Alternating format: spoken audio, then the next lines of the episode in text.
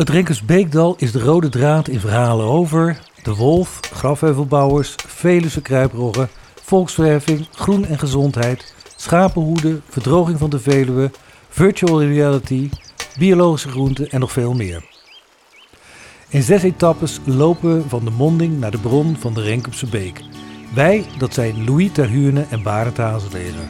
Mannen met een goed oor voor mooie en authentieke verhalen. Grondtonen is een zesdelige podcastserie. Niet alleen voor mensen die het dal kennen of gaan ontdekken, maar voor iedereen nieuwsgierig naar wat mensen drijft en geïnteresseerd in landschap, cultuur en wetenschap. We gaan hele mooie dingen zien en horen in deze podcast.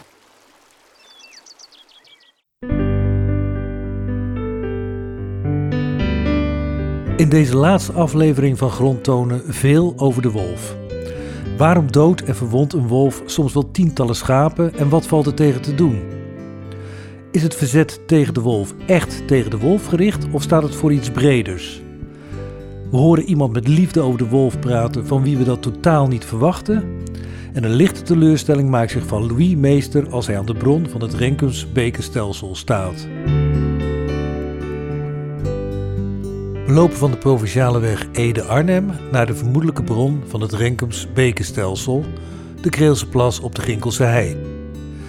En we starten zoals we de vorige aflevering eindigden met Leo Linnarts, wolfexpert bij ARK Natuurontwikkeling. Leo heeft meegeschreven aan het interprovinciaal wolvenplan dat middelen biedt om vreedzaam met de wolf te kunnen samenleven. Concreet worden schrikdraad, rastes en honden genoemd. Gaan we het daarmee redden? Schrikdraden, schrikdraadnetten uh, en um, uh, kuddebeschermingshonden. Het zijn heel effectieve middelen. En zeker als je ze in combinatie inzet. Dus bijvoorbeeld bij mij hier in de regio heb je vrij veel schapen op dijken. die zitten bijna allemaal in het, in het schapenraster. En die schapenrasters die zitten gewoon heel strak aan de grond. Daar komt de wolf niet onderdoor. Tenminste, ik zie hem dat niet zomaar even doen.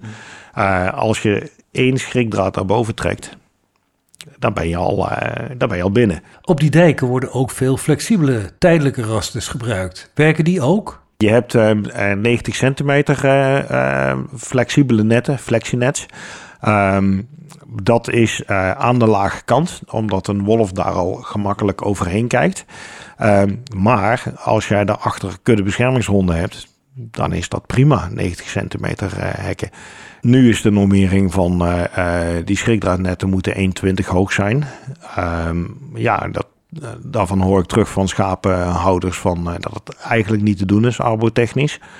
En sowieso met, um, met flexibele netten en met tijdelijke netten moet je opletten in de zin van dat je aarding goed moet zijn. Uh, en dat bleek onder andere in de buurt van Eindhoven een tijd lang het probleem. Uh, die wolf had daar uh, geleerd om de netten te omzeilen. En het bleek dat heel veel van die netten gewoon een slechte aarding hadden.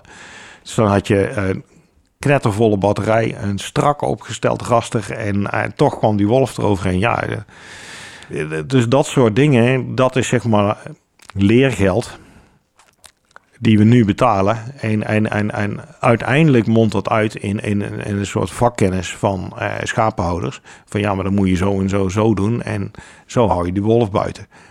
En, uh, uh, en dan ga je richting vreedzaam samenleven. En feitelijk hoef je dan alleen maar wolven die zich vervelend gedragen naar mensen toe. Zo staat het ook in een wolvenmanagementplan. die moet je uit de populatie halen, lees doden. Zoals al aangestipt in de derde aflevering van deze podcast, zijn eind oktober acht schapen van Serge van der Zweep gedood en negen anderen dusdanig verwond dat ze afgemaakt moesten worden. Waarschijnlijk gaat het om een jonge wolf. Waarom doet een jonge wolf dat? Waarom doodt en verwondt hij veel meer schapen dan hij op kan? Kijk, zo'n jonge wolf die groeit op bij, uh, bij zijn ouders, bij pa en ma. En uh, ja, die wordt redelijk geholpen in het verkrijgen van voedsel. Want uh, ze zijn in het begin nogal slungelig in de jacht. Dus pa en ma die moeten het zorgen dat de prooi ook echt gedood worden en uh, dat er voedsel is. Maar op een gegeven moment gaan ze zelfstandig zwerven. En uh, dan zijn ze nog niet zo handig. Dus ja, reeën rennen hard weg en edelherten rennen misschien te hard weg of verdedigen zich vervaarlijk en dat wordt hem dan niet. Um, ja, een schaap is veel gemakkelijker. Dus, dus kiezen ze vaker voor schaap, omdat het de, de, nou ja, risicoloos is en, en minder moeite kost. maar dat niet alleen, omdat ze minder handig zijn, verwonden ze ook vaak schapen. En een schaap wat verwond is en zich los weet te rukken, verstopt zich in de kudde. En dan denkt de wolf van, oh ja, en nu? Nou, dan gaat hij voor de dichtstbijzijnde volgende eh, schaap. En als dat zo'n paar keer niet tot een dood schaap leidt, dan heb je dus uh, misschien één of twee dode schapen en een hele hoop verwonde schapen. Maar er is nog een ander aspect wat ook speelt, is dat alle roofdieren in de natuur, als ze de kans krijgen, meer dan één uh, prooi doden. Dus als er, eh, zeg maar, als een wolf eh, twee reeën zou tegenkomen en hij kan ze allebei tegelijkertijd doodmaken, dan doet hij dat. Gewoon omdat hij uh, nou, één, één reden, kan hij gewoon stevig van eten. En dat volgende reden is dan van over, voor over een paar dagen. Hebben ze voorkeur voor soorten dieren die ze als lekkerder vinden dan um, nou, schaap lekkerder dan een ree of omgekeerd? Nou, de, de, de schaap is dus eerder omgekeerd. ree, hert, edelhert, damhert, wilde zwijnen, zwijnen die hebben absolute voorkeur boven, boven schapen.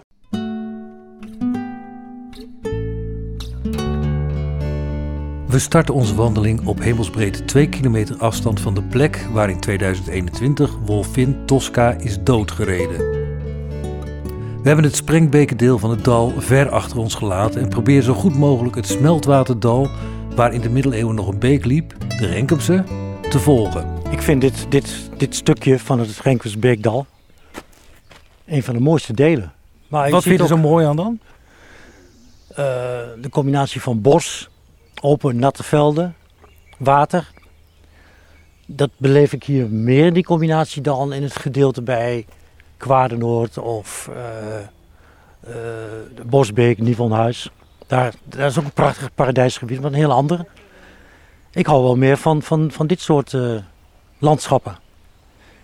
En misschien, dit is wel zo mooi misschien, omdat het een vorm van beheer is geweest met menselijke ingrepen, waardoor, dit, waardoor een nieuw natuurgebiedje ontstaat. Dit hele gebied, hè, deze enclave eigenlijk op de hei, want dat is het, hè, het is een nat gedeelte op de hei eigenlijk. Dat is sinds denk ik 2000, uh, eh, hebben ze daar een plan voor ontwikkeld en dat heet de Vlinderdas. Uh, dus ze hebben vanaf, ze hebben de laatste twintig jaar dit toch zoveel mogelijk als een natuurgebied proberen te beheren met landbouw, maar dan wel landbouw die uh, nou, een beetje extensieve landbouw, zeg maar. Oh ja, nu misschien zie je dat terug. Nu we hier in het gebied van de oorsprong van, de, van dat hele bekergebied zijn, besef, besef ik in ieder geval hoe rijk het hele gebied is. Vanaf de Rijn gelopen hier naartoe. Wat we allemaal tegenkomen is, uh, zijn toch verschillende natuurbeelden. Het bosrijke gebied rondom Kwadenoord, uh, de Bosbeek, de monding, de, de Rijnhoever, en dan dit door uh, waterpoelen uh, en, en, natte, natte akkers, of akkers verworden tot nat grasland. Het is een rijk gebied. Het hele stroomgebied.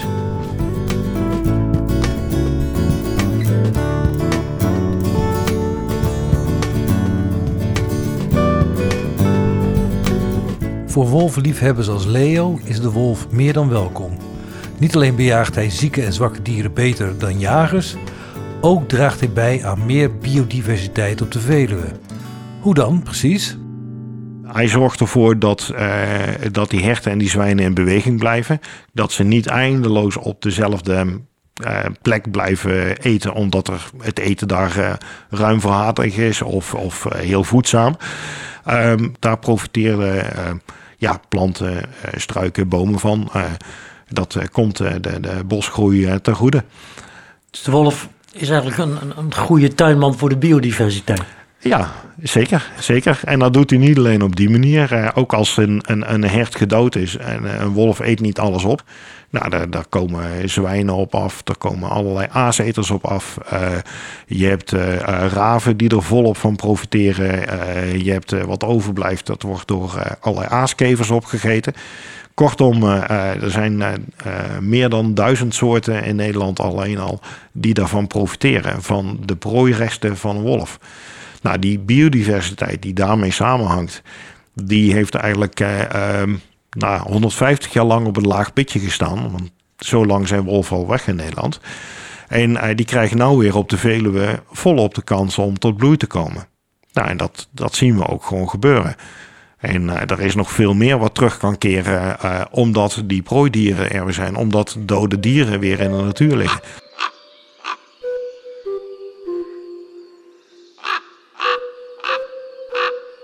Naast positieve effecten op natuur en biodiversiteit die de ecoloog schetst, heeft de wolf misschien ook een effect op ons in de natuur, op onze natuurbeleving. Hoe kijkt de filosoof daar tegenaan? Er zijn filosofische theorieën die zeggen van je kunt eigenlijk alleen maar diepe betekenisvolle ervaringen hebben, zinervaringen hebben, als uh, aan dingen die niet volledig gecontroleerd worden. Aan het woord is Martin Drenthe, milieufilosoof verbonden aan de Radboud Universiteit. Uh, dus uh, nou, ik ga heel vaak wandelen uh, voor zonsondergang bij mij in de buurt. Uh, Heumersoort, een bos bij Nijmegen, waar, uh, waar veel reeën rondlopen. Dus ik ga daar vaak s'avonds even reetjes, reetjes kijken met mijn vriendin.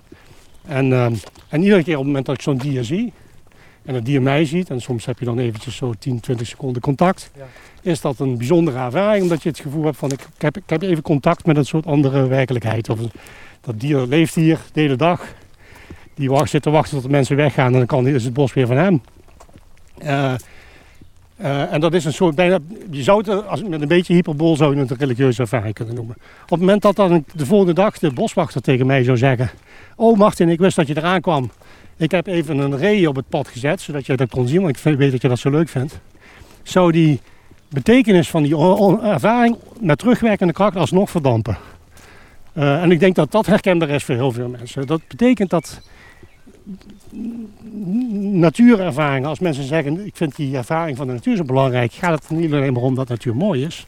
Maar juist dit, dit moment dat je even in contact komt met iets wat groter is dan jij. En dat onverwacht is, wat, wat je overkomt, om het zo maar te zeggen. En wat zich aan jouw controle onttrekt. Ja.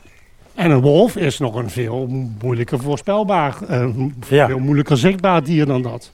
En ook een dier wat, waarvan, je nog, waarvan het nog makkelijker te zien is dat hij zijn eigen ding doet het vermoeden dat hij in het bos kan zitten is al een versterking van je dat is, dat is, wat ik, dat is wat ik heel veel mensen hoor zeggen. Ja? Wat ik bij mezelf ook bemerk. Dat als ik uh, door een bos... Ik ben nog nooit in Nederland in een, een, een, wolf tegengekomen. Maar ik ben me er voortdurend van bewust dat hij, er, dat hij er zou kunnen zitten. Okay. En misschien zelfs wel dat ik hem niet zie. Maar dat hij, hij me op dat moment aan het bekijken is. Ja, er is een heel mooi Duits jagerspreekwoord. Ik, ik was een, een, paar jaar geleden was ik in de Harts op vakantie. En er was een tentoonstelling in het bezoekerscentrum. Er stond een opgezette wolf. En uh, die zat er nog niet, wist ik. Uh, tijdens een wandeling kwam ik een boswachter tegen. En ik vroeg hem van, god, weet jij of ze inmiddels al hier gesignaleerd zijn of niet? En toen zei hij mij uh, van, nou nee, we hebben het nog niet gezien. Maar het zou natuurlijk best kunnen dat hij ons nou zit te bekijken. En toen zei hij dat Duits spreekwoord, der Wald had duizend ogen. Het bos heeft duizend ogen. Um, en dat is een jagerspreekwoord. Een jager weet dat als hij het bos inloopt, dat hij wordt bekeken. Um, dus dat het natuurlijk niet alleen maar iets, een object is wat wij kunnen bekijken, maar dat is het, iets levens wat ons ook bekijkt.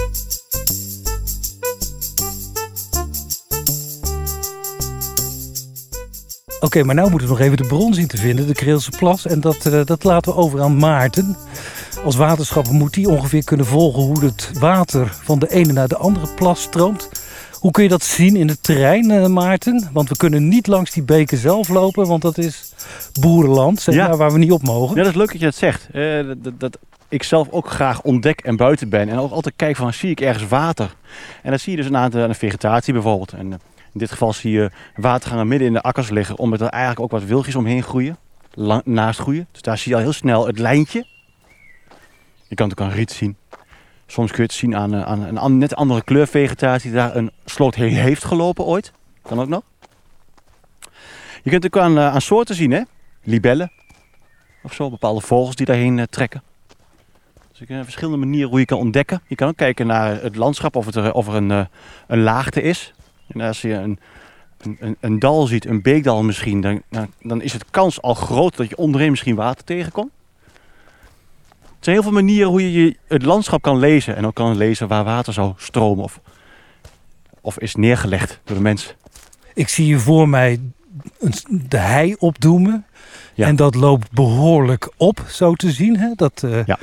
dat is dan onderdeel van die stuwwal die eh, van Wageningen naar Lunteren loopt. De stoel van Wageningen inderdaad. Oké, eh, wijs de weg maar verder, Maarten. Waar gaan we naartoe? Ja, we gingen naar de Kreelse Plas. En jij eh, dacht eh, wel even, omdat ik waterschapper ben, dat ik hem zo even kan vinden. Inderdaad, maar dat bleek te optimistisch. Zelfs toen we bijna voor de plas stonden, was Maarten nog druk bezig om zich in het veld te oriënteren. Daar, daar. Het- wat, een, wat teleurstellend nou weer. Ja, sorry. Kijk, kijk, ik heb hier een bordje. En op het bordje staat Kreelse Plas. Ik vermoed dat we op de goede plek zijn. Nee, zo kan ik ook waterschapper zijn. Ik zie de plas al trouwens. Ik, ik wees ongeveer de goede kant op. Ik wist niet dat hij zo, dat hij zo, zo ontzettend dichtbij was. Oké, we staan nu aan de rand van het, aan de Kreelse Plas. Rechts rustgebied voor dieren, maar links loopt de vlonder door. Je kunt er omheen lopen. Zo te zien.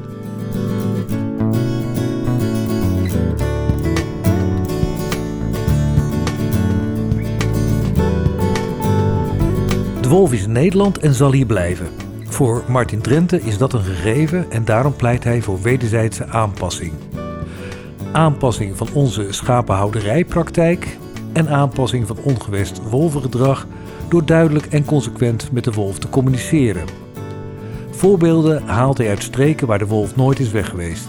In Oost-Europa zijn er plekken waar, een- waar die wolf nooit is weg geweest, waarin mensen, ook veehouders, gewend zijn om met die wolf om te gaan en daar hun praktijk op hebben aangepast. Ehm, waardoor die wolven eh, zich op hun beurt aan mensen aanpassen. Een heel concreet voorbeeld, als je zorgt dat, dat eh, eh, schapen of ander klein vee goed beschermd is, bijvoorbeeld met kuddebewakingshonden, dan kunnen wolven, als je dat tenminste consequent doet, leren dat schapen veel minder aantrekkelijke prooi zijn dan ze, dan ze eruit zien. En dat leren wolven aan hun jongen. Waarmee je, als je dat op den duur lang volhoudt en consequent doet vooral, ehm, de, de wolvencultuur als het ware zo aanpast dat die beter past bij onze cultuur. Nou, in, in, in Oost-Europa zijn er, zijn er schaapsherders die zeggen, die wolf hoort erbij. En op het moment dat mijn schapen gepakt worden, dan schaam ik me een beetje. Want dan dan, dan, dan blijkt dat ik mijn werk niet goed gedaan heb. Een heel, ander, eh, heel andere manier van kijken en denken dan wat we, wat, wat we hier gewend zijn geraakt, omdat de, de grote roofdieren hier alweer zo lang weg zijn. Is dat, is dat zeg maar, het belangrijkste communicatieteken wat, je, wat wij met een wolf kunnen eh, delen? Eh, het hek of een schrikdraad? Of hebben, hebben ze in Oost-Europa, toen het nog niet met dat schrikdraad werkte, andere communicatiemiddelen Nou ja, gebruikt? k- kuddebewakingshonden is voor als het om wolven Ja. en, en schapen gaat het belangrijkste middel wat traditioneel is. Oh, en ook eh, herders zelf. Dus, dus in, in Roemenië blijven herders bij hun vee in de, in de, in de bergen. Een goed voorbeeld van hoe dat, eh, hoe dat veranderd is, zie je in de Franse Alpen. Eh, daar waren, vroeger gingen mensen daar ook met hun schapen de, de, de, bergen in en bleven dan die hele zomer lang bij hun schapen. Op een gegeven moment toen de wolven en de beren en de linksen uitgestorven waren, was daar eigenlijk geen noodzaak meer toe. En hebben Franse boeren zich aangewend om die schapen gewoon de, de, de bergen in te sturen. En op het einde van het seizoen kwamen ze ze ophalen. Dan was je altijd een paar schapen kwijt, want die waren in een ravijn gevallen of iets dergelijks, of ziek geworden of iets anders. Maar eh, dat was dan de meest efficiënte manier om het te doen. Vervolgens zijn die wolven teruggekomen uit, vanuit Italië, vanuit de Italiaanse Alpen, de Franse Alpen ingetrokken. En het heeft eigenlijk te lang geduurd voordat de Franse schaapshouders eh, dat in de gaten kregen. Of in, in ieder geval voordat zij hun manier van schapen houden aanpasten. Waardoor daar een paar generaties lang wolven zijn rondgelopen tussen de schapen als heerlijk makkelijk hapje. En die wolven hebben hun jongen vervolgens geleerd dat dat de meest aangewezen prooi is om je op toe te leggen. Nou ja, dat wil je dus niet hebben, want we weten al van mensen hoe moeilijk het is om een cultuur te veranderen. Ehm, dus wat je wil is dat wolven consequent leren dat schapen geen aantrekkelijke prooi zijn. De wolvencultuur aanpassen impliceert dat je de wolf serieus neemt. Dat je dier bekwaam acht om eigen keuzes te maken en te handelen. Dat het over agency beschikt, zoals dat in goed Engels heet. Lange tijd hebben we over dieren nagedacht als machines of als, als, als passieve dingen die gewoon een soort, een soort automaten die, af, die kon voorspellen. Ehm, en waar je dan, als je dat als mensen belangrijk vond, voor kon zorgen. En, en dat, dat was het trendmeesterschap in, in ieder geval in deze interpretatie. En, ehm, en wat nou sommige dierfilosofen zeggen is, op die manier neem je de dieren eigenlijk niet serieus genoeg. Uh, je moet zien dat die dieren ook, ook hun eigen leven hebben, hun eigen keuzes hebben, in eigen gemeenschappen leven, in eigen sociale groepen leven, waar regels gelden waar die individuen, die individuen zich aan moeten houden. Dus het is eigenlijk meer vergelijkbaar met ik zeg, eh, omgang met andere staten, waar je je ook niet aan interne gelegenheden moet bemoeien, die je moet respecteren, maar waar je dan vervolgens wel moet afspreken hoe kunnen wij op een rechtvaardige manier met elkaar omgaan. Uh, maar wat er interessant aan is in deze, aan deze nieuwe filosofie, is dat hij volgens mij ook de angel weg kan halen uit, uit de angst voor wolven die ik bij sommige mensen proef. Uh, sommige wolventegenstanders die zeggen, het is nog niet eens zo erg dat die wolf af en toe een schaap pakt. Het allerergste is dat je er helemaal niks tegen mag doen. Die wolf die is beschermd. Die, die wordt uh, kwetsbaar. In de wet wordt hij als kwetsbaar uh, beschouwd. Um, dus die moet je beschermen en je mag niks doen om jezelf te, te wapenen daartegen. En ik denk, voor zover dat zo is, versterkt dat ook heel erg dat conflict. Want van, als jouw schapen worden gepakt, dan mag je niks terug doen. Als jij die wilsbekwaamheid van wolven, als je die veel centraler stelt en ook zegt van die wilde dieren leven in soevereine gemeenschappen, zeg je daarmee ook van er zullen grenzen zijn die wij moeten bewaken. Zoals, zoals wij ook een leger hebben, want dat leger dat vliegt je af en toe over, over vandaag. Uh, dat leger hebben we nodig om, om duidelijk te maken van wacht even, er zijn grenzen waar we niet willen dat, dat de ander overheen gaat. Um, um, maar binnen die grenzen kunnen we elkaar respecteren, kunnen we elkaar de ruimte geven die je nodig hebt om het leven te leiden wat jij of de, de structuur in stand te houden die jij nodig hebt om te kunnen leven.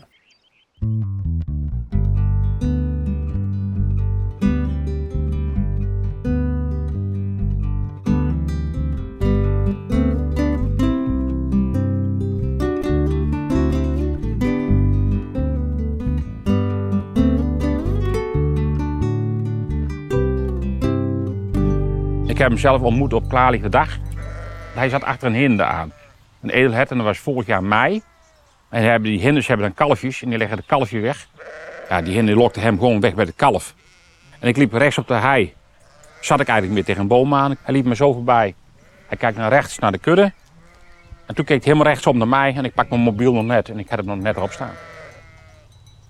Klein beetje angst, maar hij was eigenlijk bang. Heel bang. Aan het woord is Aard van de Brandhof, schaapherder van de Edense schaapskudde. We treffen hem net buiten het Renkersbeekdal bij Oud-Reemst. Hier laat de wolf zich al regelmatig zien en hier overnacht ook de kudde van aard. En om dat veilig te laten verlopen heeft hij preventieve maatregelen getroffen. Ja, we hebben uh, twee jaar geleden een melding gekregen dat er hier een wolf uh, rondliep. En toen hebben we een aannemeropdracht gegeven om de nachtkralen, waar die schapen voor de nacht verblijven, wolfwerend te maken met drie stroomdraden. Eén onderlangest, die is de allerbelangrijkste, want de wolf wil er graag onderdoor graven. Die komt hij gelijk tegen. En 1 op 1,10 meter 10 en 1 op 1,40 meter schuin naar buiten. Nou, er zijn onderzoek naar geweest vanuit de Universiteit Wageningen met camera's, nachttoezicht. En de wolf komt tot aan het gaas en ze kijken elkaar recht in de ogen. Dus hij heeft al een keer een klapper gehad van die stroomdraad. Stond dat er niet op, dan was de gehaaid erin gekomen en hadden we heel veel schade gehad. Hoeveel, hoeveel kost het ongeveer om één, deze kraal bijvoorbeeld? Dit is een stukje, wat is het? Half hectare? Half hectare, nou ja, daar kan wel zo'n paar duizend hectare eh, euro komen. Aan draad en arbeid en noem maar op. Stroomaanleg, aardepen. Er moet een hele diepe aardepen geslagen worden, die zit op 30 meter diep. Ja, dat kost gewoon heel veel geld, arbeid. Maar dat is allemaal vergoed door uh, de provincie. Je kunt aanspraak maken op subsidie om dat die nachtverblijven te beveiligen. Ze staan al een tijdje voor het hek te dringen, dus laat de schapen maar los, Aard.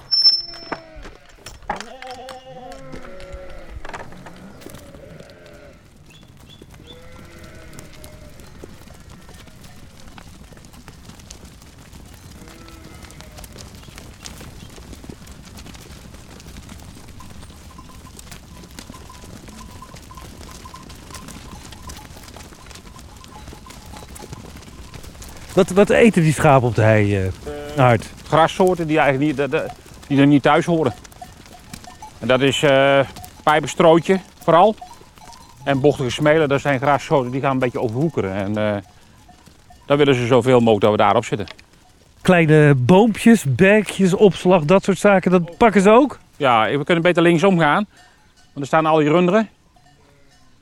En ik wil niet hebben dat jullie op de horens worden genomen. Want, uh... Molly, kom hier.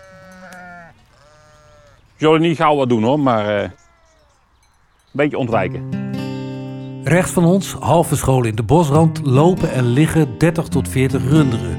Koeien met kalveren, van bruin tot diepzwart variërend in kleur. De oudere dieren hebben imposante, vervaarlijk uitziende hoorns. Het zijn Spaanse runderen, sayaguesas. Kijk, daar loopt de hele kudde.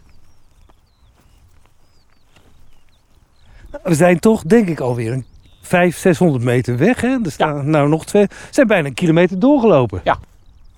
Maar ik ken de kudde ook hoor. Ik weet ook dat ze daar niet verder weg gaan. Ik heb zoveel die ervaring met die schaapskudde, zou ik op de Ederhaai niet wagen. Omdat we daar heel veel last hebben met loslopende honden. Maar daar wil ik het wel eens over, over hebben. Hè? Want we hebben het wel over die wolf.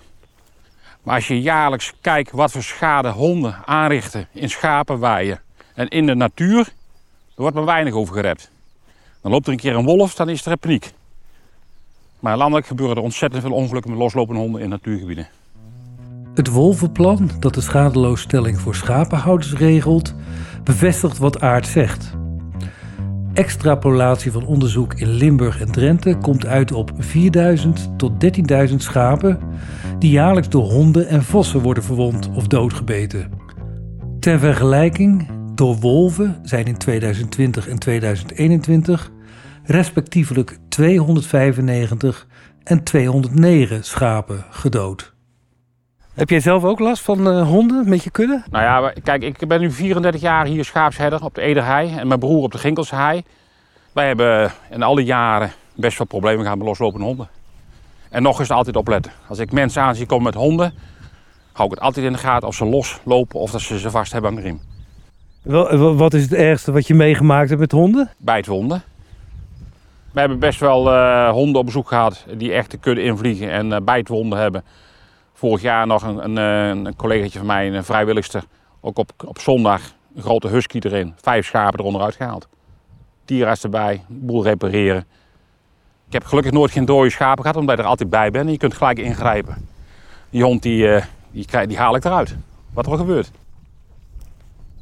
Hoe, hoeveel moet een schaap eigenlijk eten? Want je zegt dus rust als die schapen opgedreven blijven worden, kunnen ze niet voldoende eten. Maar hoeveel moeten ze eten eigenlijk? Nou ja, zo'n zo kudde ga ik de hele dag mee op stap. Meestal een uurtje of 7, 8 laat ik ze grazen. En dan gaat het de hele dag door.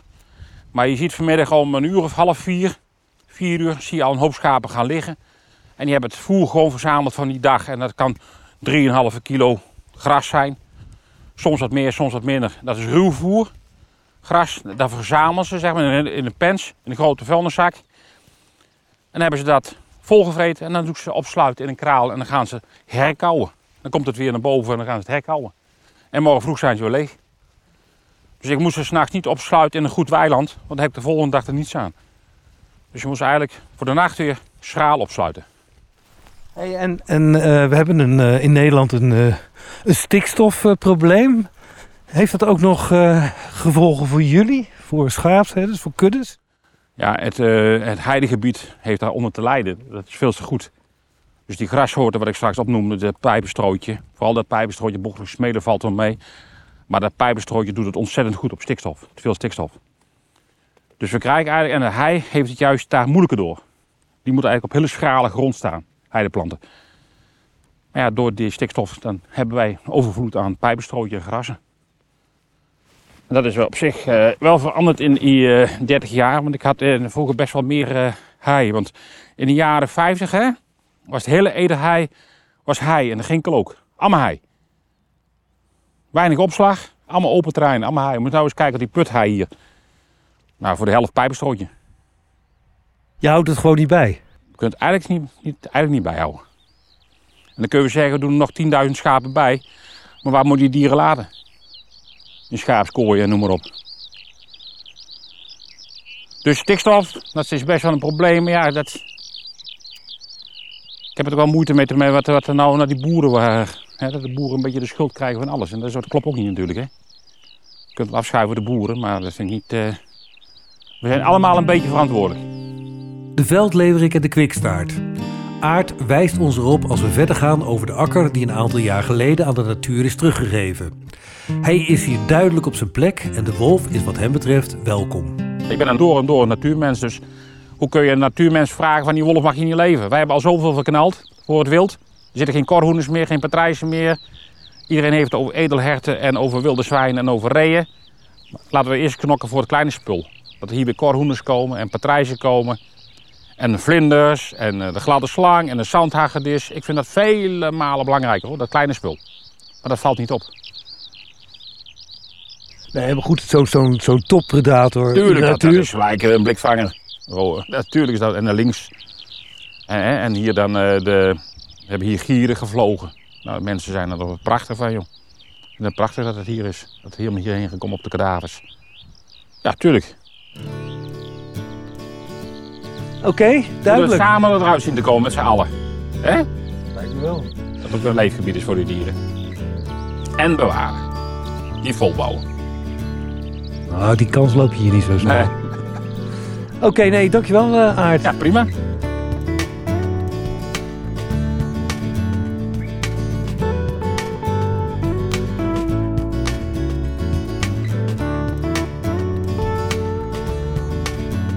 Pragmatisch omgaan met de wolf, zoals Aard van de Brandhof doet, wordt door sommige van zijn collega's bestempeld als verraad. Het debat over de wolf is ongekend fel en gepolariseerd. Heb jij daar een verklaring voor, Martin? Eh, ik denk dat veel mensen die zich, die zich eh, zorgen maken over de wolf, en ook een groot deel van die polarisatie over de wolf, gaat over iets heel anders dan over de wolf. Uh, dat gaat over uh, bevolkingsgroepen die zich niet serieus ge ge genomen voelen. Dat zie je in de boerenprotesten. Uh, dat zie je. Dat mensen die zeggen van wij hebben allerlei zorgen die door de mensen in de stad en door de mensen in de politiek niet worden gezien. ik heb een student die in Noord-Italië onderzoek heeft gedaan.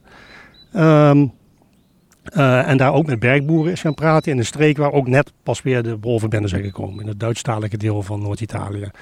En um, dus zij vroeg op een gegeven moment ook van, uh, goh, hoe is het om hier te wonen? Waar ben je trots op? Wat vind je dat iedereen zou moeten weten over deze plek? En zijn er ook een paar dingen die je niet thuis horen.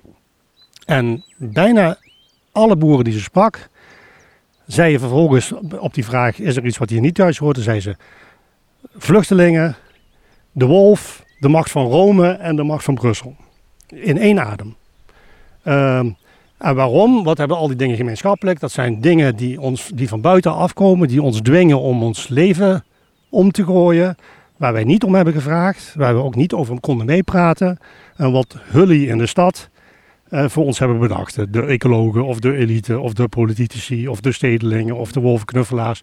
Of de, de, de, de, de, de linkse kerk of noem het maar op. Ze sprak twee boeren die wel positief over de wolf waren. En toen ze dus vroeg, ja waarom dan? Zeiden ze, nou omdat we niet willen dat de populisten dit debat ook winnen. Dus ook dat ging niet over de wolf als dier. Maar die wolf die staat een symbool, symbool voor iets anders. En dat is ook niet zo gek, want voor de meeste mensen is die wolf helemaal niet uh, reëel. Uh, uh, ja, als, als jij toevallig de pech hebt dat jouw schapen worden ge, gepakt. Maar het gaat nog steeds om relatief kleine, kleine aantallen. Maar die wolf staat voor iets anders. En dat zie je dus nu, dat, dat, dat zeg maar het pragmatisch omgaan met het ongemak van de wolf. Want als ik schapenboer was, was ik ook niet blij met die wolf. Dus hebben ze geen enkele reden toe om daar blij mee te zijn. Maar er zijn pragmatische oplossingen. Maar dat sommige mensen weigeren die pragmatiek omdat, omdat het voor iets veel, over iets veel groters gaat. En ik denk dat dat voor heel veel kwesties gaat. Dat gaat voor de, over de wolf. Maar het gaat ook over stikstof. En het gaat ook over Zwarte Piet waarschijnlijk. Uh, en om dat op te lossen moet je niet zozeer kijken naar hoe kunnen we die hekken bouwen. Maar hoe kunnen we die kloof, maatschappelijke kloof uh, uh, dichten. En daarom is het denk ik zo belangrijk dat die vrijwilligersgroepen bestaan. Mijn, uh, ik heb een, een, collega, een Duitse collega, die is zelf boerendochter, maar ook biologe. En zij heeft onderzoek gedaan naar hoe mensen met wolven omgaan, in een deel van een Europees project waar ik ook bij zat. En zij is een organisatie begonnen, WikiWolves dat. Dat is wat wij in Nederland wolf fencing noemen. Dus groepen vrijwilligers die zeggen, weet je wat, wij gaan die boeren helpen om hun vee te beschermen. Uh, want we snappen dat die boeren allerlei problemen hebben, dat ze daar alleen voor staan en wij willen naast hun komen staan om ze te helpen. Omdat we weten dat als dit niet gebeurt, die wolf ook geen toekomst heeft.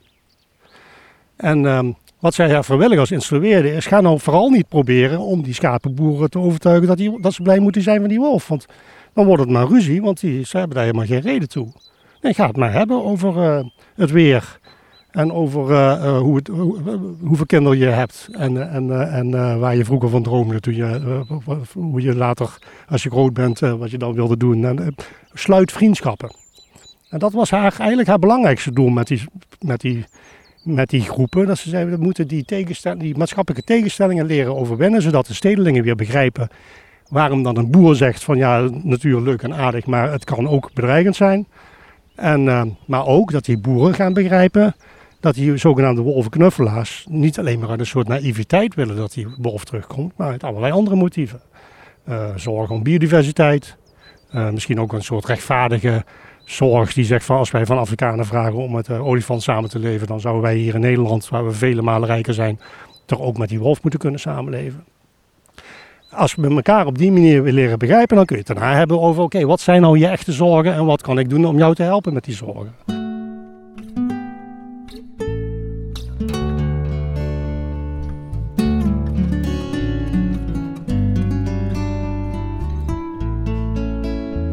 We lopen om de Kreelse Plas heen op zoek naar een uitstroomopening. Wat is jouw eerste indruk van dit gebied? Vind je het er nog goed bij liggen? Nee, kijk, wat ik wel zie is links en rechts het water vrij uh, heel zichtbaar, vrij hoog staat. Zo'n uitstroom hier. Enorm bemoedigend. En uh, dit is denk ik die uitstroom al. Eens even kijken. Ja? Of dat zo is.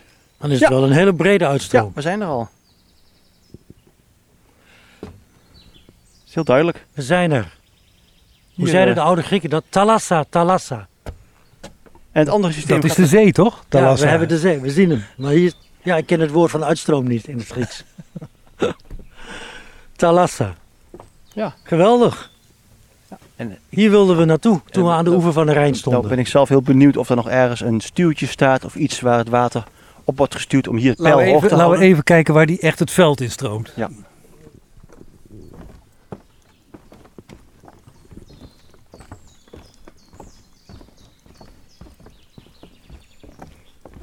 We staan bij de uitstroomopening van de Kreelse Plas. Vanaf hier kan het water via greppels en sloten afvloeien via de Plas van Gent naar de Heidebloemplas, waar het iets verderop ondergronds gaat. In theorie komt het dan een paar kilometer verder in de springen van het Renkersbeekdal weer naar boven. Maar nu is de uitstroomopening met een stuw afgesloten. Louis maakt zich zorgen. Maar Maarten, nou houdt hij dus het water van de, van de plas, van de Kreelse Plas, wordt hier vastgehouden. Ja. En dat betekent dus hier 20 meter verder loopt het onder het bospad door, bosweggetje. En hier staat, hij dus, staat de beek droog. Ja. Maar is dat dan weer niet jammer dat de beek daardoor droog staat? Nou ja, beek. Uh, het is een, ge een gegraven systeem om andere systemen te voeden. Uh, in, in, dit geval dan. Hè, je hebt de sloten in, in, langs weilanden of binnen de akkers liggen. Die zijn geweest om die weilanden droog te maken. Ja. Dit is een uh, soort kanalensysteempje geweest. Nog steeds trouwens. En is het jammer? Ja, dat is een goede vraag. Um, maar dat je, heeft, dit je, heeft toch effect op de waterstand in wat we dan een Renkemse beker noemen? Nee, nou, nee? nee, nee. Want er is geen druppelwater hiervan die via een watergang bij de Renkemse beker komt. Alles wat hier valt, zal uiteindelijk of verdampen of uiteindelijk in de grond terechtkomen. En dan via een heel grondwatersysteem, ondiep of heel diep, uiteindelijk een systeem voeden zoals bij de Renkemse beek. Ik vermoed dat dit vroeger dus dit, je zou kunnen zeggen dat dit een relict is van het voedingssysteem van het Renkemse beker van vroeger. Dus je kunt best wel de bron noemen hoor, dat mag zeker.